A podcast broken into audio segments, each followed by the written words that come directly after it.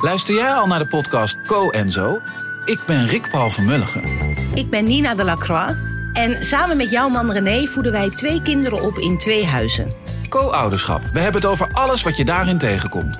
Maar ook over de juice tijdens onze kinderloze dagen, want die heb je ook in het co-ouderschap. Een podcast voor alle ouders in alle vormen, maar ook voor alle mensen zonder kinderen. Zijn we eerlijk, heerlijk herkenbaar. Dus luister naar Co en Zo in je favoriete podcast-app.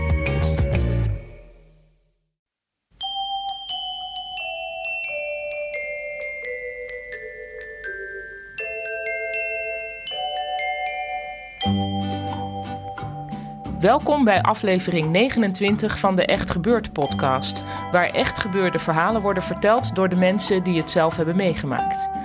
Echt Gebeurd is een maandelijkse verhalenvertelmiddag in Toemler en elke maand is er ook iemand die voorleest uit zijn of haar puberdagboek. Een tijdje geleden deed Carolien van Keken dat. Dit is haar puberdagboek.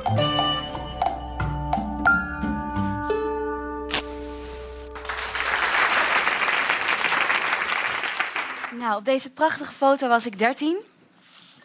En dit waren mijn dagboeken. Die had ik heel goed ingetaped, zodat mijn broertje ze niet zou lezen. En, ehm, nou ja, het is misschien goed om te weten dat mijn broertje Dave heet. Want die komt nogal veel voor in het uh, dagboek. Ik zit al 1 uur, 54 minuten en 32 seconden op mijn kamer. Ongeveer. En er is nog steeds niemand boven gekomen. Ze zitten nu vast samen voor de tv om mij te lachen. Vooral van papa valt het me tegen. Van mama kan je zoiets verwachten. Ik dacht dat papa en ik een klik hadden, snap je? Als ik nu naar buiten kom, hebben zij gewonnen. Ik blijf hier dus net zo lang zitten totdat zij excuses komen aanbieden. Als ik sterf van de honger of dorst, is dat lekker hun schuld. Oké, dit is er gebeurd. We zaten gewoon aan tafel te eten en toen schopte ik per ongeluk tegen Dave's schenen aan. Niet expres dus en ik zei ook nog sorry. Maar vanaf dat moment begon hij mij stiekem te pesten. Eerst ging hij mij napraten en toen ging hij heel vies met zijn mond open eten. Echt ranzig. Papa en mama zeiden dat ik hem moest negeren, maar hij zat tegenover me. Hoe kon ik hem nou negeren? Ze gingen gewoon door met praten alsof er niks aan de hand was. Dave ging ondertussen met zijn handen in een bakje komkommersalade roeren. Mama zei dat hij moest ophouden, maar hij ging gewoon door. Toen smeerde hij de komkommersalade in zijn haar, terwijl hij heel kwaadaardig naar me keek. Ik schopte hem tegen zijn schenen, nu wel expres. Toen werd mama boos op mij en papa op Dave en Dave op papa en iedereen op mij. Ik ben daarna heel kwaad naar mijn kamer gerend en heb de deur keihard dichtgeknald, want ze vinden het niet leuk als ik dat doe. Verder gaat alles goed. Morgen ga ik optreden. Morgen ga ik optreden met mijn muziekschoolbandje. En we spelen een liedje van Destiny's Child.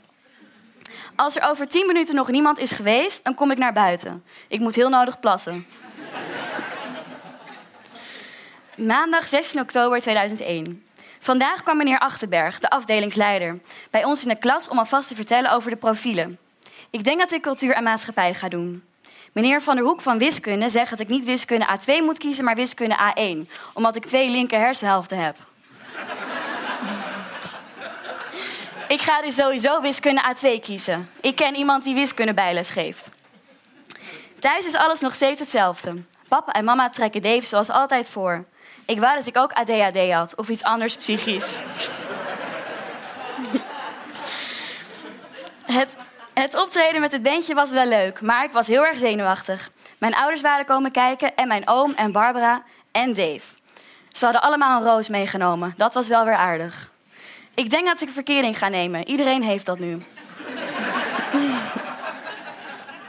Donderdag 19 oktober 2001. Ik heb nog even nagedacht over de verkering en ik denk dat het een goed idee is. Als enige van mijn vriendinnen heb ik nog nooit een vriendje gehad. Maar ik heb wel al hun verhalen gehoord, dus ik begrijp heel goed hoe het werkt. Ik maak nu vast geen fouten meer in de liefde. ik ben alleen op niemand verliefd en niemand is verliefd op mij. Hier verzin ik later een oplossing voor. nu moet ik aan mijn werkstuk. Het gaat over Gandhi. Hij komt uit India en was voor een vredevol verzet. Hij was ook vegetariër. Vrijdag 20 oktober. Ik moet bijna gaan slapen, maar schrijf toch gauw nog even. Over de verkering. Ik denk dat Pim mij leuk vindt. Laatst kwam hij even langs en toen deed hij heel eigenaardig. Ik hij lachte heel gek en keek mij steeds heel erg lang aan. Ik wilde eigenlijk zeggen dat hij weg moest, maar, want ik moest nog aan mijn werkstuk, maar ik durfde niks te zeggen. Ik hoop niet dat hij mij leuk vindt, want dan durf ik ook niet te zeggen dat ik geen verkering wil. Zat ik nog maar op de basisschool, dan had ik dit soort problemen niet. Zondag 29 oktober. Mijn werkstuk is heel goed geworden. En ik heb een portret van Gandhi getekend voor op de voorkant. Ik ga het morgen inleveren, maar dan moet ik zorgen dat niemand het ziet. Want de kinderen in mijn klas vinden mij een stuutje als ze zien dat ik de hele voorkant getekend heb. Ik heb nu werkstukken gemaakt over Nelson Mandela, Martin Luther King en Gandhi. De volgende moet eens gaan over een vrouw, anders wordt het saai. Bij musicalles zijn de rollen verdeeld voor de nieuwe musical die we gaan spelen. Peer Gint. Ik ben een troll en we gaan spelen in een bejaardentehuis. Ik hoop dat ik alleen hoef te zingen, want ik kan echt niet dansen en ik wil niet voor aap staan. Ik ben nog steeds niet verliefd trouwens, hoewel ik het wel echt probeer. Dinsdag 31 oktober. Dave was vandaag opeens heel aardig. Ik snapte niet waarom. Toen legde hij het uit. We willen al heel lang een huisdier, maar dat mag niet van onze ouders. Maar als we er nu samen om zeuren, hebben we meer kans dat het mag. Eigenlijk wil ik een poes, maar Dave en mama zijn daar allergisch voor. Nu gaan we voor konijnen, ook al zijn die heel saai. Er is alleen één probleem. De zus van Pim heeft konijnenbaby's die ze wil weggeven, maar ik wil niet meer naar Pim sinds ik denk dat hij mij leuk vindt. Stel we kunnen mama en papa overhalen en stel we moeten dus toch naar Pim voor dat konijn, dan moeten we het gewoon zakelijk houden. niet lachen en zo. Oké, ik ga huiswerk maken. Donderdag 2 november.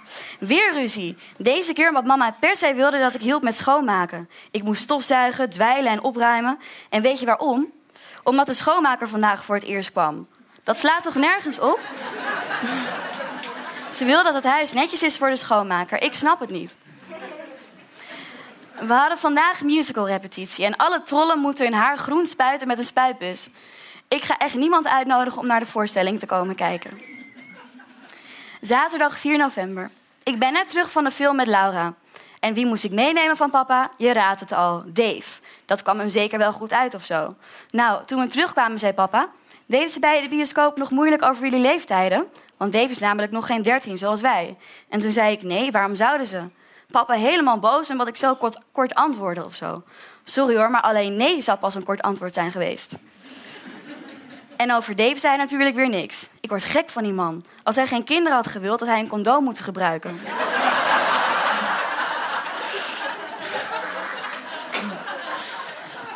Maandag 6 november. Ik heb een 8 voor Frans, maar wel een 4 voor wiskunde. Dus dat is leuk en stom. Verder ziet het er naar uit dat Dave en ik een konijn krijgen. We hebben echt heel erg ons best gedaan. Dave heeft al hooi gekocht en ik konijnenbrokjes. Er is ook minder goed nieuws, maar ik weet het nog niet zeker. Ik denk dat mama en papa gaan scheiden. De ruzies zijn echt niet meer normaal. Misschien is het ook wel beter. Niet dat ik zal weten hoe dat dan is. De ouders van Lau zijn ook uit elkaar en volgens mij vindt ze het wel oké. Maar bij wie moet ik dan gaan wonen? Bij mama of papa? En wie krijgt het konijn? Vrijdag 10 november. Volgens mij ben ik verliefd op de gitarist uit ons bandje. Hij heeft wel een beetje vet haar en hij zit op korfbal. Maar, maar dat maakt niks uit. We gaan volgende week wat drinken. Ik hoop dat het allemaal goed gaat, want anders zou het niet goed zijn voor de band. Ik weet nog niet hoe ik het moet vertellen aan mijn vriendinnen. Ze vinden hem vast niet leuk. Misschien kan ik het beter geheim houden. Gelukkig kan ik alles hier opschrijven en hoeft nooit iemand het te weten te komen. Met mijn ouders hoef ik er in elk geval niet over te praten. Ze maken zelf een zooitje van de liefde. Vanavond hebben we klassenfeest en gaan we stiekem wijn drinken. Ik heb een fles gepikt die naast de koelkast stond. En ik ga hem onder mijn jas doen. Ik doe dus die grote wijde jas aan. Ik hoop dat we niet gaan flesje draaien.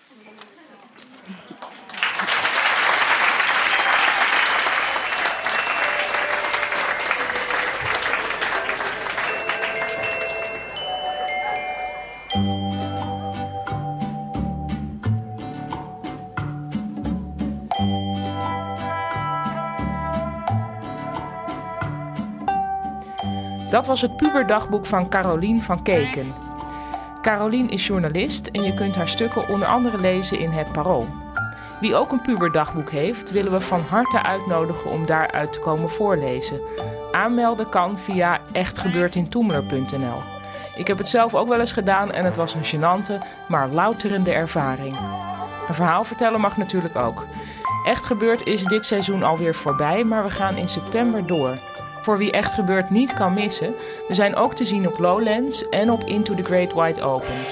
En de podcast gaat natuurlijk ook gewoon door. De redactie van Echt Gebeurd bestaat uit Micha Wertheim, Rosa van Dijk, Eva Maria Staal en mijzelf, Paulien Cornelissen.